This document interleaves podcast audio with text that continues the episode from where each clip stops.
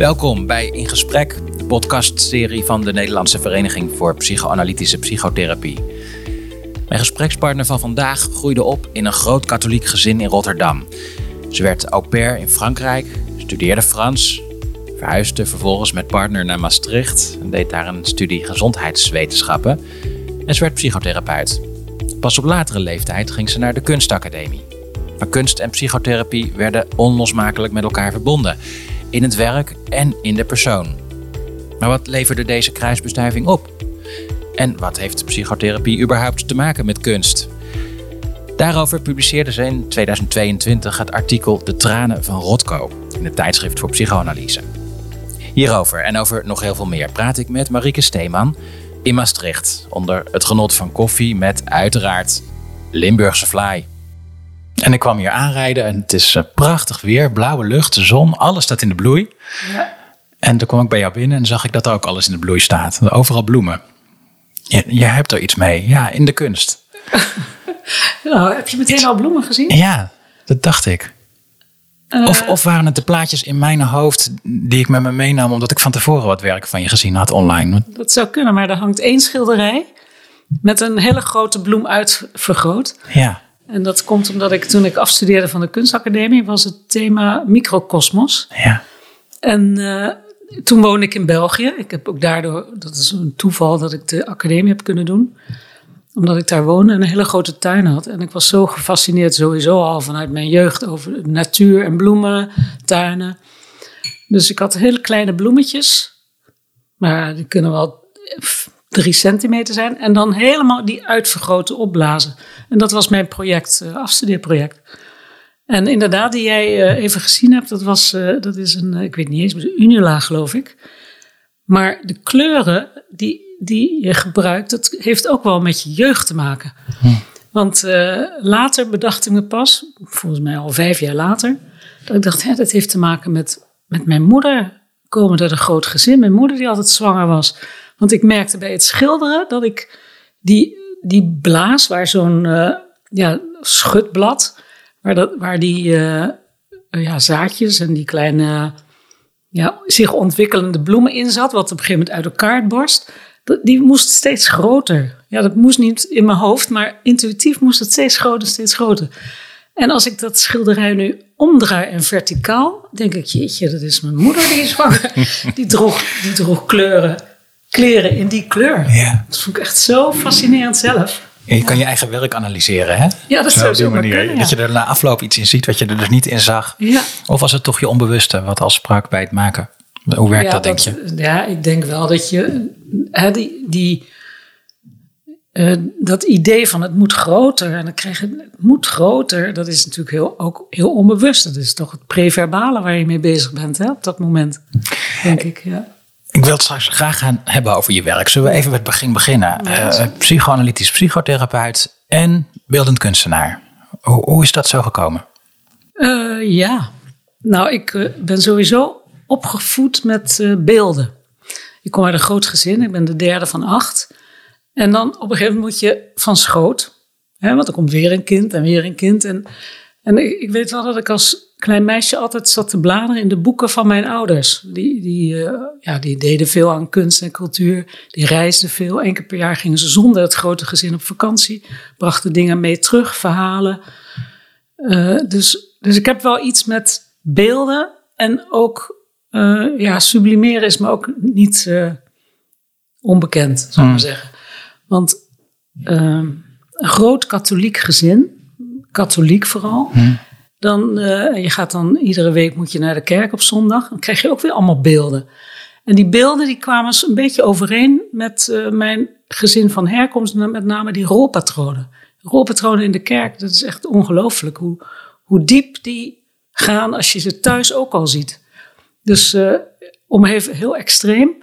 God de Vader en de Heilige Maagd Maria. Ja, daar zit eigenlijk zoveel in. Want de vader, de paternalist, uh, is het hoofd van een gezin. En de moeder die geeft en die is daar, daar en die maakt de veiligheid en de gezelligheid. En uh, agressie en seksualiteit, dat zijn eigenlijk taboes. Jaren 50 opgegroeid, hè, dat was taboe.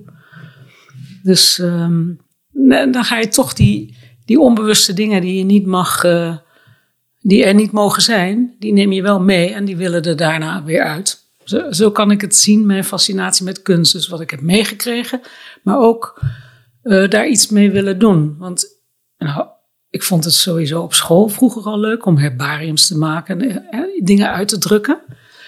Maar ehm, eh, ik heb eerst Frans gestudeerd. En toen deed ik al een beeldhouwcursus. Tijdens. Dus ik zat altijd op twee, twee poten. Ja, want het was dus heel traditioneel. eh, en, en er waren rolpatronen. Maar kennelijk was er wel de mogelijkheid om te gaan studeren. En jezelf te ontwikkelen. En niet alleen maar moeder te zijn. Of, of heeft dat gewrongen nog? Eh, nou, ik denk dat het vooral belangrijk was dat je. Er was ook weer verschil tussen jongen en meisje. Ik heb zelf altijd het idee gehad, ik moest vooral eh, binnen mijn eigen milieu blijven. En het was voor je algemene ontwikkeling goed dat je iets ging studeren. Dus ja, na, na mijn au pair, na de, na de middelbare school, au pair. En dan Frans gaan studeren. Dat wa- was een beetje. Een lag ja, in de lijn. Lag in Dat- de lijn. Ja, ja. Mm. En pas toen ik eh, in Maastricht ging wonen, dus met mijn partner mee ging naar Maastricht, die kwam ook uit eh, Hilgersberg, waar ik ben grootgebracht. Toen eh, dacht ik van, ik wil terug naar school. Frans, Frans bijles, dat vind ik niet leuk genoeg. dus toen ben ik avondatoneum gaan doen en gezondheidswetenschappen gaan studeren. Waarom? Wat trok je daarin aan? Eh, ja, dat is ook weer zo'n vrouwenpatroon, denk ik. Ik had, al, ik had altijd migraine tijdens mijn huwelijk. Oh jee, moet ik dat vertellen? nu weet ik dat dat een hele andere betekenis had dan toen. Maar ik, ik voelde me aan van, ik zit niet lekker in mijn vel. Ik ben niet voor niks, eh, heb ik hoofdpijn. Weet je wat, zo'n huisvrouwensyndroom noemden ze dat vroeger. Dus eh, ik ging opnieuw studeren en dat was ook fantastisch. Het was heerlijk. Ik voelde me zo fijn om, eh, weer, om iets anders te doen dan alleen moeder en voor de kinderen. Ik vond het heel gezellig en heel fijn, maar het was me niet genoeg. Ja. Maar tijdens alles wat ik deed, was ik altijd bezig met, al met kunst. Ja. Dat eh, wel. Ja, Was dat nou van huis uit meegekomen ook? Ja, ik Met denk het bezig wel. zijn met kunst ook? Ja, ja zoals. eh, ja, we hadden al, er waren altijd wel boeken met kunst. Uit zo'n groot gezin trek je dan af en toe terug. Hè? En een van mijn manieren was dan in die bloe- boeken bladeren. Die stonden in de kast. Het stond er Van gewoon een, hele grote boekenkast met eh, kunstboeken. Mhm. Mijn vader die filmde, fotografeerde. Mijn moeder was ook creatief, die maakte al onze kleren. Dus eh, er was heel veel, eh, ja, er werd veel gedaan aan spelen, creativiteit, op buiten spelen. En, maar ook de natuur. Dat, dat eh, Ja. doet ook veel. We woonden in een huis aan een singel. Waar eh, de zwanen voorbij zwommen. Wij speelden buiten, maar ook binnen was er van alles te doen. Ja, zo'n groot gezin. Dus ik vond het wel een leuk gezin hoor. Ja. Maar in zo'n gezin kun je je ook alleen voelen. Want het gaat allemaal over de groep. Hm. Hè, en samen spelen en dingen. Maar soms moet je ook even terugtrekken. En dat deed ik dan via die... Ja, Die kunstboeken. Kunstboeken, ja. Ja. Ik het wel, ja. ja. Ge- Gezondheidswetenschappen dus gaan studeren. Hoe Ja. kijk je terug op die tijd? Was het een leuke studie? Ja, ik vond het heel interessant. Heel leuk. Ik vond het raar dat, eh, want dat is wel even met de keuze te maken, dat gezondheidsvoorlichting en opvoeding, toen bestond nog niet GGK, wat nu geestelijke gezondheidskunde bestond nog niet. Anders had ik zeker dat gekozen. Maar gezondheidsvoorlichting en opvoeding eh, vond ik de doel waarom je dat moest doen, vond ik zo raar. Je moest dan campagnes, voorlichtingscampagnes, want je mocht niet meer roken en mensen moesten gezond eten en zo, maar niet van waaruit mensen gaan roken of van waaruit mensen niet gezond eten. Dus ik zat al heel gauw op een heel ander spoor. Ik vond al die programma's eh, over eh, veranderingen, veranderen, ja, hoe heet het ook alweer? Verandermodellen en zo moesten we dan studeren en daar onderzoek. Interesseerde me eigenlijk helemaal niet. Hm. Dus toen ik na mijn studie eh, natuurlijk niet zomaar aan werk kwam, ik, want ik, wa- ik was eh, inmiddels alleenstaande moeder met twee kinderen. En ehm, eh, ik had op allerlei GGD's gesolliciteerd naar die gezondheidsvoorlichting en opvoedingsdingen, maar eigenlijk vond ik dat niet interessant genoeg. Dus toen ben ik samen met een collega ehm, een bureautje gaan oprichten. ehm, ouders, we noemden het ouderschap in beweging. En dat ging dan weer over die rolpatronen waar ik zo mee opgevoed ben. Waar, waar, waaruit ik ook leid, afleid dat ik ja, dat was een reden van dat ik gescheiden ben. Dat had echt met die rolpatronen te maken. Dus uh, toen zijn wij een uh, uh, roldoorbrekend opvoedercursussen gaan geven. Wat is een roldoorbrekende opvoedcursus? Ja. Wat, wat, wat, nou, wat, leer je daar? Ik weet, ik weet, niet of je de boeken kent van Gordon. Die waren toen heel hip. Luisteren naar kinderen, luisteren naar elkaar en zo. Dus ik zat heel erg op die communicatie. Maar ik miste daar die man-vrouw rollen in. Dus die voegden wij toe in dat soort cursussen. En uh, hadden we ook uh, agressie inge, uh, ingelast als thema en seksualiteit. En eigenlijk wat we misten in die gangbare cursussen voegden wij toe. -huh. En hoe kwam je uiteindelijk in de psychoanalytische psychotherapie? Ja, dat is dan weer de volgende stap. Ja. Dus, hoe, hoe, een leven kan lopen. Van, ja, je, komt, je komt iets tegen en dan stap je in of niet. Hm. Een trein of een boot of whatever. En toen werd ik gevraagd bij de RIAG om oudercursus te komen geven als preventiewerker. Omdat je ook het bureau Omdat had? Omdat ik dat bureautje had, ja. Samen met twee collega's. We hebben alle drie weer een andere weg gekozen. Uh, en toen um, kwam ik in die, bij die RIAG en toen werd ik, kwam er een vacature bij psychosociale hulpverlener. Werd ik daarvoor gevraagd of gesolliciteerd, dat weet ik niet meer precies. En toen ik eenmaal daar zat, kon ik de psychotherapieopleiding doen. Ja, ja. ja.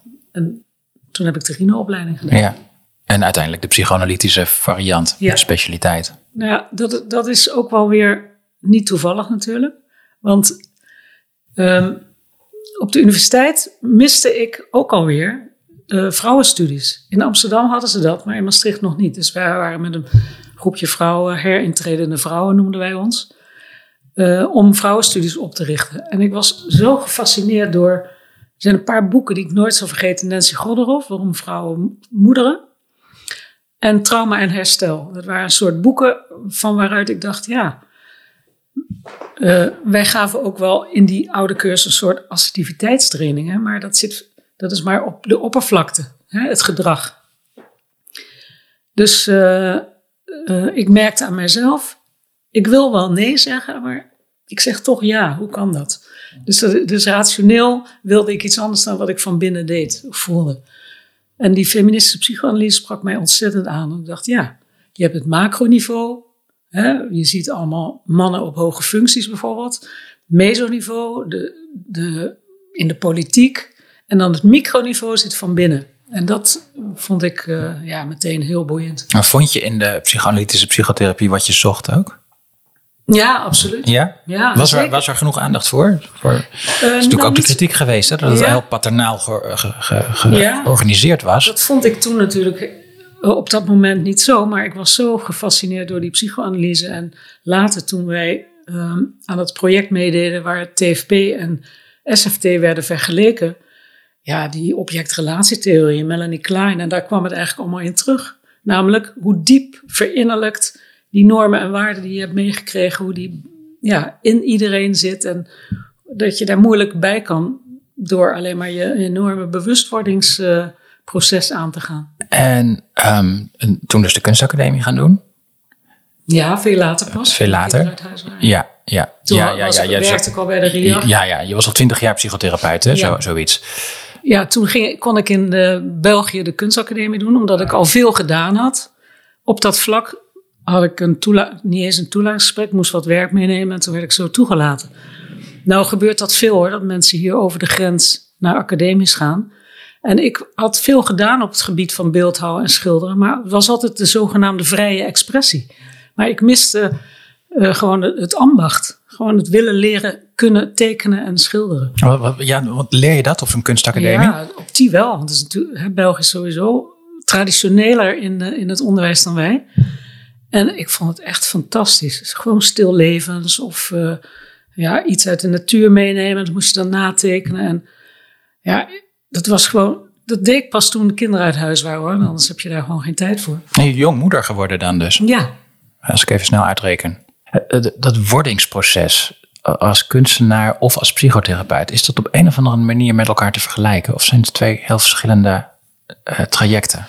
Ja, voor mij ligt het heel dicht bij elkaar, omdat uh, de processen die kunstenaars doormaken, die maak je als psychotherapeut ook, of net andersom, hè? de processen die je als psychotherapeut doormaakt, Dus je bewustwording en het kijken en metaforen en alles wat je daarbij gebruikt, dat zie je bij kunstenaars ook terug.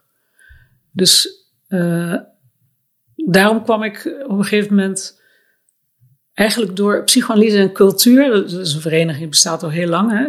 De ene jaar in, in België, de andere jaar in Frank, in, uh, in Amsterdam, hè? Amsterdam. ja, de studiedagen of de, ja, de symposia. Ja. ja. Uh -huh. En um, toen werd ik op een gegeven moment gevraagd doordat ik naar een, uh, zo'n lezing was geweest van Anna Enquist. Dat zal ik nooit vergeten. Anna Enquist gaf een lezing over haar nieuwe boek De Verdovers. En dat deed ze samen met haar buurman, die was anesthesist. En ze legde toen uit, samen, van uh, wij willen juist gevoelens naar boven halen en anesthesisten willen juist verdoven. En uh, ja, dat paste weer helemaal in waar ik mee bezig was, namelijk die combinatie van psychoanalyse en kunst en cultuur. Ik ging, ik ging uh, kennis maken met diegene die dat organiseerde. Ik vond het eigenlijk heel interessant. Ik dacht, zoiets kunnen, moeten we ook in Maastricht gaan doen. Hm. En toen zei die vrouw tegen mij van, goh, we hebben binnenkort een uh, uh, conferentie over psychoanalyse en kunst. Wil je daar niet iets vertellen over die twee aandachtsgebieden van jou, kunst en psychotherapie? En zo ben ik eigenlijk bij die vereniging Saaiart, heet dat, gekomen. En ben ik kunstenaars gaan bestuderen. Dus de eerste lezing ging over zoek twee wegen, zo heb ik het genoemd, die lezing. Twee wegen naar authenticiteit, twee wegen naar jezelf. En die vond ik terug in dat kunstenaars ook dat soort processen doormaken. Je ziet zo'n hele uh, lijn bij kunstenaars van de academie, waarbij ze het vak leren, en naar die hele ontwikkeling naar hun eigen handschrift. En ik was natuurlijk vanuit mijn eigen kunstacademie tijd ook op zoek naar wat is mijn handschrift? Hoe, hoe wil ik dat, uh, dat verbale, non-verbale uh, expressie aangeven? Zodat ik, zodat ik ook voel van ja, dit, want je zoekt, het is heel gek, je zoekt naar, nu is het af, nu is het goed. Maar dat is een enorme zoektocht. Voordat je denkt, ja, dit, dit is wat ik ben, of dit is wat voelt wat samenvalt met mezelf, laat ik het zo zeggen. Het is wel grappig dat de parallel met een, met een psychotherapie zich wel aandient. Hè? Dat ook in zo'n therapie, waar, ja, wanneer is het af? Wanneer heeft iemand het gevoel van, nou nu eh, voelt er iets wel bij elkaar gekomen en is het wel klaar? En dat is heel moeilijk aan te duiden. Ik, ik kan me voorstellen dat je in die tijd als psychotherapeut verder was dan als kunstenaar. Je, je, had, je zat al twintig jaar lang uh, dat, werk te doen. Dus dat, je had al een eigen handtekening in de spreekkamer, zou je kunnen zeggen. Ja, zeker door die TFP, hè, wat, waar wij in opgeleid zijn dat paste zo erg bij, mijn, bij alle thema's waar ik in mijn leven mee tegenkwam. Namelijk die agressiegeremdheid in mijn gezin. En daar moest je juist die agressie zoeken, bij wijze van spreken. En uh, ook uh, de object-relatietheorie. Hoe, hoe diep verinnerlijkt je vroege relaties in jezelf zitten. En dat je dat ook bij, uh, dat zich dat herhaalt in de therapeutische relatie met je patiënten. -huh. Dus, was het die periode dat je eh, daarvoor gevraagd werd om die lezing te doen en dat op die manier het een beetje bij elkaar kwam, was dat een tijd dat je eh, zou kunnen zeggen dat je echt 50-50 was? En beeldend kunstenaar en psychotherapeut? Gewoon twee beroepen? Of was het toch de, de psychotherapeut die ook wat kunstenaarsactiviteiten deed? Of was het de kunstenaar die er nog een beetje psychotherapie bij deed? Ja, ik denk dat ik het wel allebei deed. Want ik, toen ik na de academie ben ik ook gaan exposeren. Dus ik ben uh, toch wel een, een, aantal jaren allebei gaan doen. Ik, in mijn vrije tijd deed ik kunst en in mijn werk deed ik psychotherapie. En natuurlijk kinderen, weet ik wat allemaal erbij. Maar, maar ik was wel. Uh, het bevruchtte elkaar ook. op wat voor manier? Nou, dat je. Uh, um, dat je eigenlijk, als je aan het schilderen bent, ben je heel erg in contact met jezelf. Dan, Tenminste, niet iedereen zal dat zo doen, maar voor mij was het belangrijk om dat het van binnenuit moest komen. En die, uh, dat stilstaan bij jezelf, bij je gevoelens, bij je innerlijke beelden, dat doe je natuurlijk ook in een psychotherapie, in de therapeutische relatie. Hè? Wat, wat roept een ander bij mij op? En wat, roept, uh, wat gebeurt er in die therapeutische relatie? Dat is eigenlijk hetzelfde, een beetje hetzelfde als als je met kunst bezig bent. Wat gebeurt er tussen mij en het doek?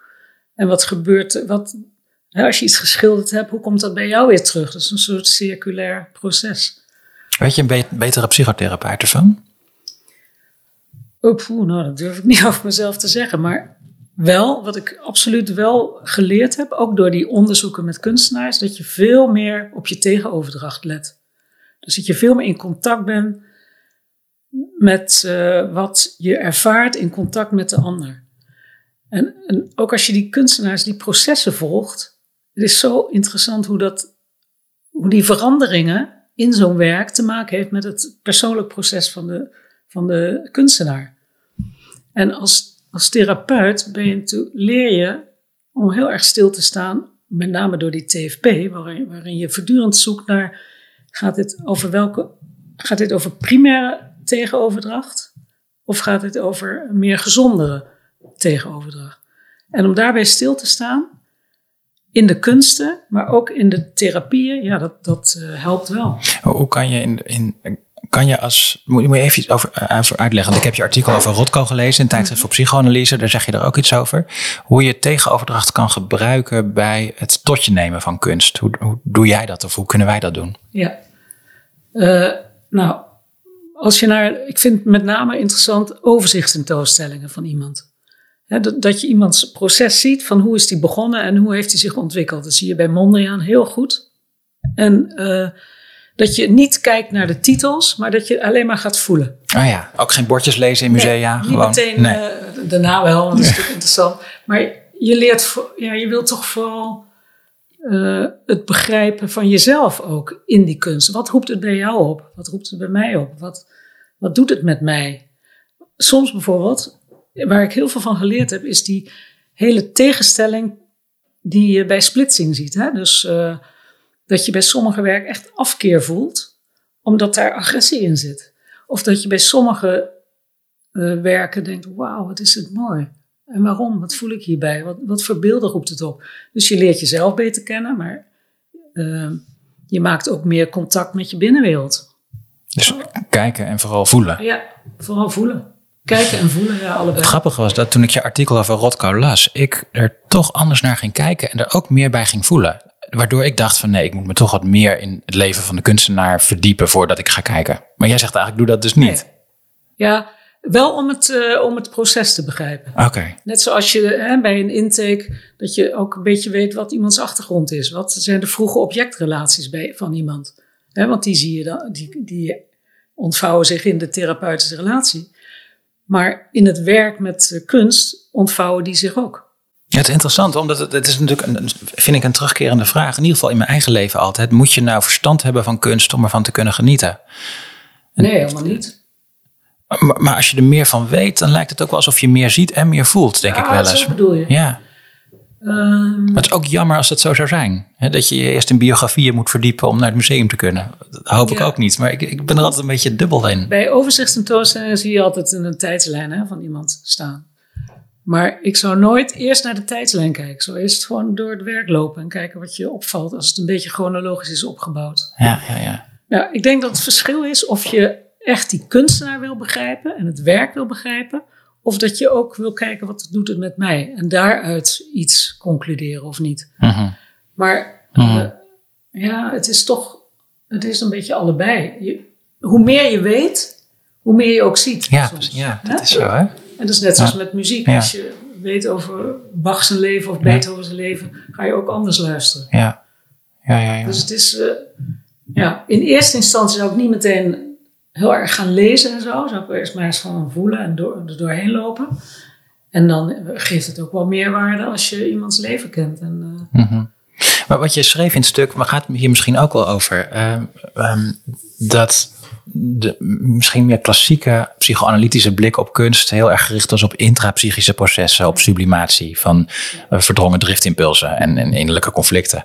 En dat jij zegt, ja, maar het is eigenlijk veel relationeler ja. en interpersoonlijker. Ja, wat, wat, bedoel je daarmee? Dat uh, de, de kunstenaar projecteert zijn binnenwereld op het doek of op het beeld of in de muziek of whatever. Dus, dus een, uh, als je tegenover een werk staat, sta je ook tegenover de kunstenaar. Het is een object. Het is een object, het is in relatie tot. Dus wat de kunstenaar overdraagt, dat is net als met tegenoverdracht, dat gebeurt ook met jou. Maar het hoeft niet hetzelfde, je hoeft niet hetzelfde zo te ervaren. Maar hè, je, je hebt je eigen tegenoverdrachten natuurlijk, ook afhankelijk van je eigen leven of binnenwereld. Maar het, het is altijd in relatie tot het kunstwerk en de kijker. Ja, ja. Eh, altijd? Kan, kan jij, eh, zou je kunst kunnen maken ehm, op zo'n manier dat het eruit is, het is verbeeld, je hebt je uitgedrukt, daarna gaat het in het atelier met een doek erover, het maakt je verder niet meer uit, want het, het is klaar? Of moet er naar gekeken worden door anderen? Hoe werkt dat? Eh, ja, dat is heel persoonlijk. Ja, ja. Er is een heel leuk boek dat heet Verf.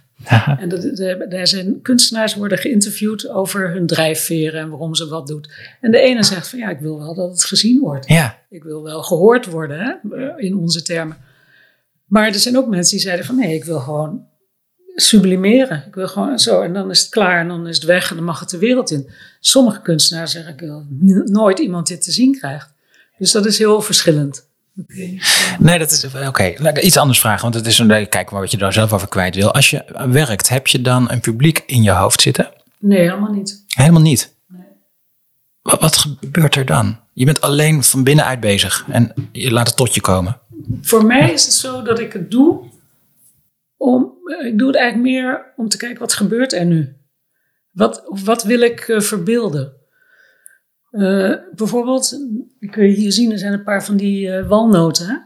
Uh, nee, dat zijn amandelen. Amandelen, ja. Amandelen hebben zo'n hele zacht groene schil aan de buitenkant en dan komen er al die lagen. Ja.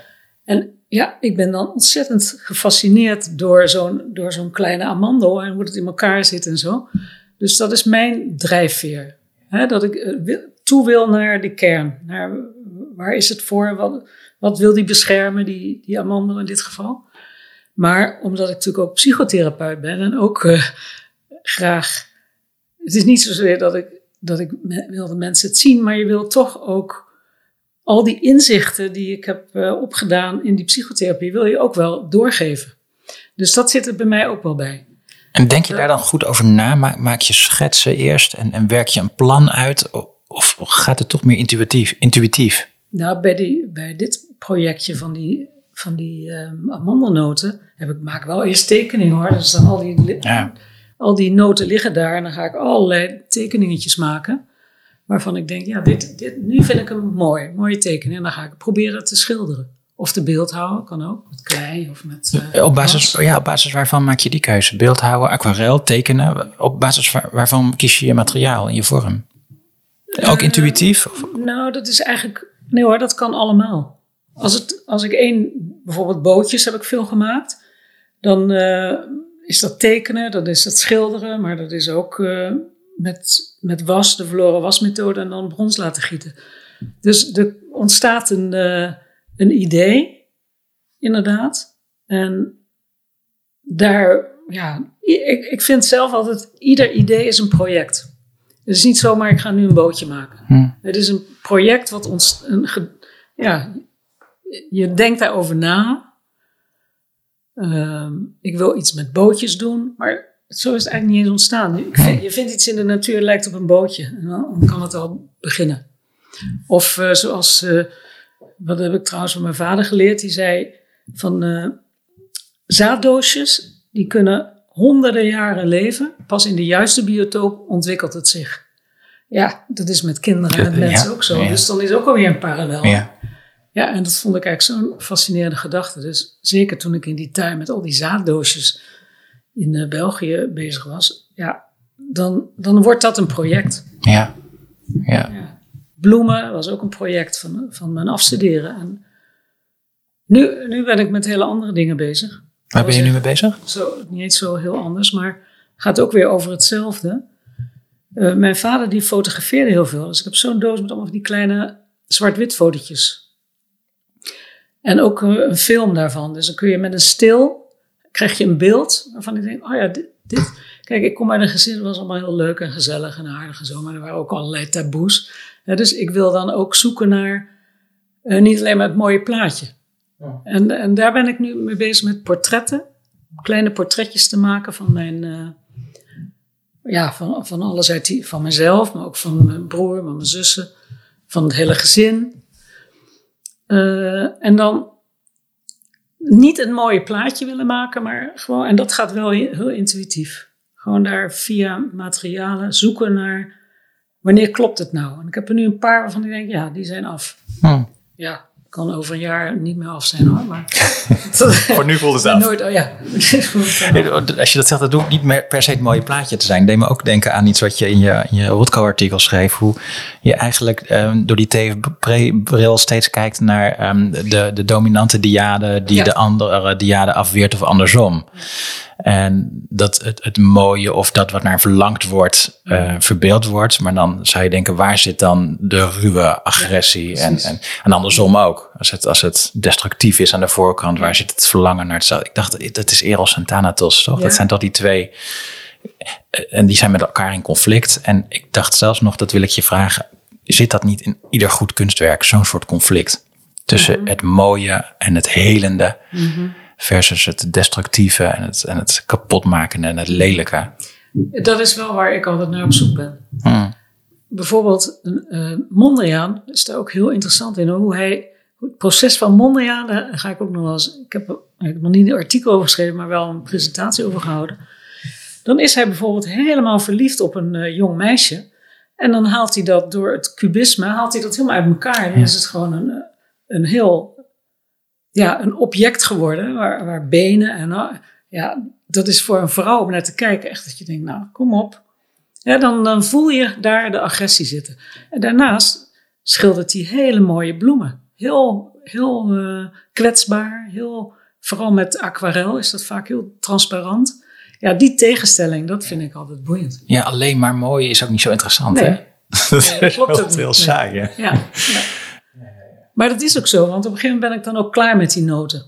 Ja, Dan heb ik het eh, gehad. Dan is het wel, eh, ja, en dan zie ik, dan ga, zeg ik wel van, maar waar zit dan de agressie? Zit die erin? Of wil ik dat juist vermijden? En dan zit het vaak in de kleuren. ah ja. Bijvoorbeeld hele zachte kleuren met toch een beetje harde kleuren. Dan kan het dan ook wel in zitten. Maar dat doe ik niet op dat moment bewust. Niet bewust. Nee, helemaal niet. Dat ontdek je ook later. Ja. ja. Ontstaat een idee wel eens tijdens een psychotherapie-sessie? Nou, sterker nog, ik wilde eens een keer, toen ik dacht, oh ja, als ik met pensioen ga, dan ga ik eh, een vijf gesprekken model doen met mensen. Ga ik ze interviewen, een soort structureel interview, maar dan eh, niet zo officieel. En dan ga ik daarna, eh, dat was ook in de tijd dat we een vijf gesprekken model hadden. En dan, na die vijf gesprekken, geef ik ze een kunstwerk. Of maak ik een kunstwerk. Hmm. Dus waar ze zelf mee verder kunnen. Hmm. Hmm. Is een idee gebleven? Of- Ja, dat is een idee gebleven. Ja. Ja, het kan nog, kan nog komen. Er zijn nog zoveel ideeën. Nee, nee, maar dat, dus, Dat is naar aanleiding van of een, Nou, idee, ja. eh, een, een idee voor een kunstwerk wel eens ontstaat tijdens een psychotherapie-sessie. nou wel een beeld. Een beeld. Ik heb bijvoorbeeld een beeld van een, eh, van een therapie, waarbij, waarbij ik dan een beeld heb van een zolderkamer en een hand naar buiten. Maar dan kan ik het verhaal niet vertellen. Maar, maar dat zou is voor mij, als ik dat project zou doen, dan zou ik daar een, een schilderij of een eh, aquarel, is dat meestal het mooiste. Aha. Omdat dat heel kwetsbaar is. Ah, en dat kwam tijdens een sessie met, Ja. met een patiënt. Ja. He- Heb je achteraf kunnen begrijpen waarom dat beeld op dat moment bij je opkwam? Ja, naar aanleiding wat zij vertelde. Dus het ging echt over Het wat. ging echt over ja. vrijheid en over eh, vastzitten in iemand die heel erg vastzit in, zat in haar lijf. ja, ja, ja. En ook zo van die hele lichamelijke klachten dat ze bijna niet kon bewegen van de pijn. Ja, ja. Ja, dus eh, kijk, zo'n beeld kan dus ook helpen om de ander te begrijpen. Dus je zou zeggen, eigenlijk moet het ook misschien, nou ja, dat wil ik natuurlijk dat jij dat zegt, dat, dat de kunst een wat grotere rol moet krijgen in de opleiding wellicht. Ja, ja. ja. Maar vind je dat? Of, of moet je dat lekker in je vrije tijd doen? Nou, het is, ik, ik ken in ieder geval veel collega's die allemaal iets doen aan, schilderen, tekenen, beeldhouden, tuinieren. Hè? De- dus ik denk dat dat heel goed is om tijdens dat hele intensieve werk ook nog iets anders te doen. Maar het zou wel interessant zijn om, het in een, eh, om de aandacht aan te besteden in de opleiding om mensen meer bewust te maken van wat kunst met je kan doen. Het verrijkt ook je eigen, ja, je tegenoverdracht, je gevoelsleven, je, je, je binnenwereld. Ja, ja leren kijken. Ja, En misschien en, en de tijd daarvoor nemen. Want we vinden. kijken en voelen. Ja, Die twee ja, ja. samen. Ja. Maar eh, in die zin zou het wel leuk zijn om, er in de, om de aandacht aan te besteden. Alleen al door eens te vragen, wat doe je nog meer naast je psychotherapieën? Ja, ja. Of naast deze opleiding? Hè? hoe, wat zijn de manieren om dichter bij jezelf te blijven? Want de therapeutische relatie is toch je instrument. Hè, dus het is wel in die zin zinvol om daar tijd aan te besteden. Toen ik je artikel las, toen dacht ik, wat leuk om zo door dit te lezen te leren om te kijken op een manier waarop ik niet keek daarvoor. En ik denk dat me dat ook in mijn klinisch werk kan verrijken. Dat ik leer luisteren of kijken of voelen, wat jij net toevoegt. Juist op een andere manier dan we toch al leren. Door gewoon het werk veel te doen, door gewoon onze vakliteratuur te lezen, door met collega's te spreken. Maar, maar dat je, je je waarnemingsvermogen vergroot. En dat je dat misschien ook in een opleiding wel kan toevoegen. We gaan nu kijken naar iets. Ja. Of we gaan luisteren naar iets. Ja, ik denk dat. eh, ja, ik, Zo- Zo'n artikel van jou, ik denk niet dat het in de opleiding besproken wordt. Want het is, het is niet, niet zo klinisch, hè? Maar eh, waarom niet? Moet het er niet in, gewoon in het curriculum? ja, ik denk eh, alleen al om, eh, om je meer bewust te laten maken van je eigen tegenoverdracht. Ja. Want dat is zo'n belangrijk instrument, je tegenoverdracht. En dat kan natuurlijk door hele andere manieren dan praten over. Een van de redenen waarom wij ook eh, video's bespreken bij het werk van TFP, ja, dat is juist omdat je die, dat non-verbale en die tegenoverdracht wil onderzoeken. Hè? Wat, wat doet het met jou? Wat gebeurt er in de therapeutische relatie? Ja, En ja, het zou wel zeer zinvol zijn en leuk ook. ja, Om... Maar goed, er is natuurlijk al veel, hè? Psychoanalyse en film. Ja. Er is ook zo'n project in Ja. Nederland. En ja. Dat is waar. de- dus, maar goed, ja, in, de, in het curriculum, ik zou sowieso al een aantal thema's, hoor. Gender zou ik ook wel meer in, de, Ja, in de opleiding willen zien. ja, En klassenverschillen vind ik er ook zo eentje. ja. Dat zijn eigenlijk thema's die wij in de vrouwenhulpverlening veel hebben gedaan vroeger. ja, ja. Dat, dat is ook een manier om. dat- groepstherapie met thema's, dat klinkt heel erg eh, gedragstherapeutisch. Hè? Maar ik heb zelf in die tijd van de vrouwenhulpverlening heb ik, eh, in groepen gezeten. Nou, daar werd ik zo geconfronteerd met schaamte en met schuldgevoelens, bijvoorbeeld bij het thema klassenverschillen. Dan zit je in een groep hulpverleners uit bijvoorbeeld naast iemand die een boerenbedrijf heeft.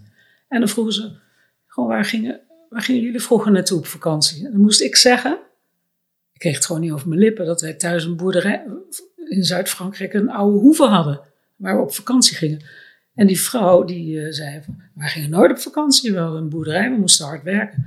Eh, dus, dus er zijn allerlei thema's waarbij je op een andere manier ook eh, heel erg in contact kan komen met gevoelens waar je normaal niet komt, zomaar. Hmm. Ja, misschien wel in een leertherapie hoor. Hm. Maar niet zo in direct contact met iemand die helemaal aan de andere kant zit. Ja, ja, ja, ja. Ook uit je eigen bubbel, hè, misschien. Ja. Om-. Ja. En eh, ja, dat vind ik met gender, zou wat mij betreft ook wel meer in, eh, in het curriculum mogen hoor. Mhm. We krijgen er ook steeds meer mee te maken in de spreekkamer. Ja. Dus het is zo, ja. Ik zit nog ook een beetje, merk ik, na te denken over die klassenverschillen en ook de kunst. Omdat het nog steeds eh, een beetje elitair is, toch? Ben je het daar niet mee eens? Nou, nu, ik vind door de COVID wel een hoop dingen veranderd. Mensen zijn veel Ja? meer van de natuur gaan genieten, zijn gaan wandelen. De, er komen veel meer jonge mensen, las ik laatst in een artikel, die naar kunst gaan kijken dan vroeger. Dus, dus ik denk wel dat dat aan het veranderen is. Ik kijk gewoon naar mijn eigen opvoeding. Hè. Ja. Mijn vader die, eh, nam ons mee naar de verwoeste stad van Zatkien. Hè. Ik, kom, ik kom uit Rotterdam. In zijn jeugd werd Rotterdam gebombardeerd. En dat vond ik ook zo belangrijke thema's. Dat je je ouders geven mee dat je dat eh, de verwoeste stad, Zatkien, Rotterdam, wat dat met hun heeft gedaan. Hij was, eh, mijn vader was altijd boos op de Duitsers. Zo, wat had hij zelfs een, een naam voor de moffen. Mhm. Ja, die moffen. Mhm. Maar ik voelde als kind wel ook de verdriet daarachter. En, maar dat sprak hij niet over natuurlijk. Bij hem ging, hij sublimeerde ook veel. Met, met films en fotografie. En vrijheid was een heel belangrijk thema bij ons. Eh, mijn vader die deed aan ballonvaren. Eh, mijn ouders gingen vaak op reis. Dus ja, dat neem je toch mee. En niet iedereen kan dat. Zij gingen in de jaren 50 gewoon naar, naar Andalusië. Dus wij werden heel jong geconfronteerd met, eh, met ook andere culturen, maar ook met eh, reizen. En, je werd au pair. Ja, dus au pair past ook in die lijn. Ja. En dat zijn toch ja, patronen die ook in ons zitten. Hè, zoals uh, de, zeven vinkjes. Hè? Ja. Van, hoe heet ja, Joris Lijndijk. Joris ja. Ja. Mhm. Dus dat zijn wel belangrijke thema's. Maar zou het anders moeten? Of, of is het gewoon wel oké? Hebben we allemaal zo onze eigen affiniteiten en achtergronden? En... Kijk, ik vind wel dat wij als uh, psychoanalytisch georiënteerde mensen onze inzichten moeten doorgeven. Ik vind wel dat we te veel in onze kamertjes zitten, in onze bubbel blijven. En ik denk dat dat ook een van de ideeën was voor mij om uh, bepaalde thema's in die kunst. Hè, als je een, een uh, expositie geeft, dan raak je echt in gesprek met mensen, hè, wat, wat het met hun doet. En dat je ja, inzichten kunt doorgeven. En dat kan natuurlijk op allerlei manieren schrijven. En wat jij hier doet. Uh, En je geeft les ook? Ja, les. Ja. Zowel uh, tekenles als, als in het onderwijs, psychotherapieonderwijs? Nee, dat heb ik, uh, tekenles heb ik een jaar of vijf gedaan. Ik, zag, ik las het mensen ergens. wilden Ja. dat Ja. Graag uh, leren. Van, iemand zei van ik wou dat ik kon tekenen. Ik zei ja, dat kun je gewoon leren hoor. Tekenen is vooral goed kijken. Is dat zo? Dat Ja. ja? Kan je het leren? Echt goed kijken. Maar ik weet toch bij mij in de klas op de basisschool, daar zaten gewoon jongens en meisjes die konden dat gewoon. Die, Ja, die konden dat meteen. die, die konden dat meteen. Dat- en dat, dat is ook leefde een meteen. talent. Dat is ook een Ja. gave, een talent. Ja. Je kunt het wel leren. Ja? Ja, dat is mijn... eh, Dat is jouw ervaring. Ik heb het namelijk wel eens geprobeerd met cursussen. En, ook, en, en ja, dan kon ik heel goed nog steeds iets natekenen, maar dan zelf iets verzinnen en het op papier krijgen. ja, iets verzinnen. Nee, maar tekenen is kijken. Oké. Dus eh, dat is echt na, natekenen. Ja, oké. Je ja. niet zomaar tekenen uit je fantasie. Nee, nee. Dat is, Dat, daar moet je iets, een knobbel voor hebben of een gave. Of, Ja, als je, eh, als je iets echt wil natekenen uit je hoofd, ja, ik denk dat dat wel een gave is. Ja, Of, of dat, zal heel, dat is heel jong, weet ik hoe dat eh, ontstaat. ja, Maar eh, iets kunnen natekenen, dat doe ik wel eens met mijn kleinkinderen. Gewoon hier dit neerzetten en dan, kijk, hier is een schaduw, die moet je ook tekenen. oh ja, Als je dat eenmaal weet, ja, eh, dus het gaat ook over bewustzijn, denk ik. ja, ja. Ja, dus je kleinkinderen krijgen het ook mee.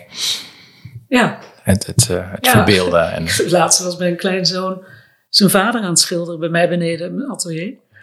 En ik kreeg van mijn kleindochtertje een eh, schilderijtje. Dat leek heel erg op een schilderij wat bij mij in de kamer hangt. Had, hij, had ze dat voor mij ja, gemaakt. Ja. Ja. leuk. Dus, dus zo wordt dat Wordt doorgegeven. Dat soort dingen. Ja, ja, ja. Exposeer je nog? Nee, op het moment helemaal niet. Nee? Ik ga wel met, als die portretjes, als dat project klaar is, Ja. ga ik dat wel weer doen. Ah, leuk. Als ik klaar ben met eh, mijn werk. Want ik, ik wil eigenlijk steeds stoppen, maar dat is moeilijk. Want wat doe je nog? Heb je eh, je psychotherapiepraktijk nog? Nee, Nee. Nee, daar ben ik voor COVID. Had ik nog een paar patiënten, was ik toch al mee gestopt. Ik heb nog wel eens een eh, structureel interview een paar gedaan om te kunnen verwijzen. Maar ik doe helemaal niks meer, alleen eh, supervisie en eh, onderwijs. En hoeveel uur per week zit je in het atelier, in, sta je in het atelier? Nu op het moment helemaal niet. Want Nee? 's winters is het koud daar beneden. Ah, En dan heb ik geen zin. Kijk, je kunt niet zomaar. Zoals ik graag werk, moet je echt even je helemaal vrijmaken en verdiepen. Je kunt niet tussendoor even middagje schilderen. hm, Dat kan wel, maar dan doe je het alleen voor als vrije tijdsbesteding. Maar waar ik nu mee bezig ben, dan moet ik echt wel voor gaan zitten. hm. Ik heb geen zin om zomaar eh, een stil leventje te maken. Dat Hmm. vind ik niet eh, boeiend genoeg. Maar ik ga wel, nu is het weer zomer, nu wordt het weer Ja. dan de deuren open en dan ga ik weer verder met mijn project. En dan, hoe ziet dat is dagenlang, elke dag in het atelier? Oh, nou, dat, nou, dagenlang, maar wel een paar dagen achter Een elkaar. paar dagen achter elkaar. Ja, een dag of drie moet, heb ik wel nodig om me er echt helemaal in te verdiepen en van daaruit iets te doen met een bepaald project. En is dat voortdurend vanuit een innerlijke drijfveer of is het ook discipline af en toe? Uh, Zwinters is het discipline. Want het is het atelier koud en eh, donker. En, nou. Maar eh, het is, als ik naar een expositie ben geweest, krijg ik altijd zin om te schilderen. Ja. Dat is echt van binnenuit komt daar iets. Ja, ja, En dan eh, handen, mijn handen jeuken om dan weer verder te gaan. ja. Ja. Ik vroeg net een tijdje, een half uur geleden, van ben je nou meer psychotherapeut of meer beeldend kunstenaar? Dat, nou ja, je bent er toch een hele tijd allebei geweest, maar als ik het goed hoor, de komende jaren gaat het toch veel meer beeldend kunstenaar worden. En, Ik heb zelfs mijn BIG-registratie al laten aflopen. ja, ja. Want, want dat was verlengd hè, door die COVID. Ah, dus ik was eigenlijk al veel eerder van plan te stoppen. Maar door die COVID ben ik online gaan werken. Gingen wij online supervisie geven, lesgeven online. En daardoor kreeg je ineens weer meer werk. ja. Maar ik ga wel uh, stoppen. Ja. Binnenkort. Tenminste, proberen. Kijk je er naar uit? Of? je ja, lacht erbij. Wel. Ja, ja, ja. ja. Ja, maar ook omdat ik, uh, ja, ik word 75 in oktober. Ik vind het ook wel goed geweest. Ja. Maar ik maak dit jaar zeker nog vol, want ik heb nog supervisies lopen. En uh, ik ga nog één cursus geven in Arnhem. In het oosten van het land willen we nog TFP opzetten. Dus er zijn uh, verschillende drives. Ja, ik zag nog een lezing binnenkort over psychoanalyse en film. Dus ja, je bent nog wel even week, bezig. Twee weken is dat, ja. ja. En bij Psychology and Art blijf ik ook bezig hoor. We gaan, gaan een, we dit jaar naar, is het in Florence. En dan ga ik ook weer diezelfde psychologie en film doen als ik nu aan het voorbereiden ben voor hier in Maastricht. Ja. We gaan het volgen. We gaan een linkje in de show notes zetten in de podcastbeschrijving. Dus dan kunnen luisteraars ook op je website kijken. Ik neem aan dat als er een expositie is, dat het daar wel aangekondigd wordt. Hè? Zeker. Ja. ja. Dankjewel Marike. Dank voor je tijd. Graag gedaan. In de show notes bij deze podcast zijn de linkjes te vinden naar de website van Marike naar het artikel De Tranen van Rotko, zeer aan te bevelen. En naar de boeken ook die ze noemde tijdens ons gesprek. En volgende maand dan ga ik naar Leiden. Spreek ik met collega Jos van Mozel over de psychoanalytische praktijkvoering en met name over het specifieke van het eerste gesprek. Graag tot dan en dank voor het luisteren.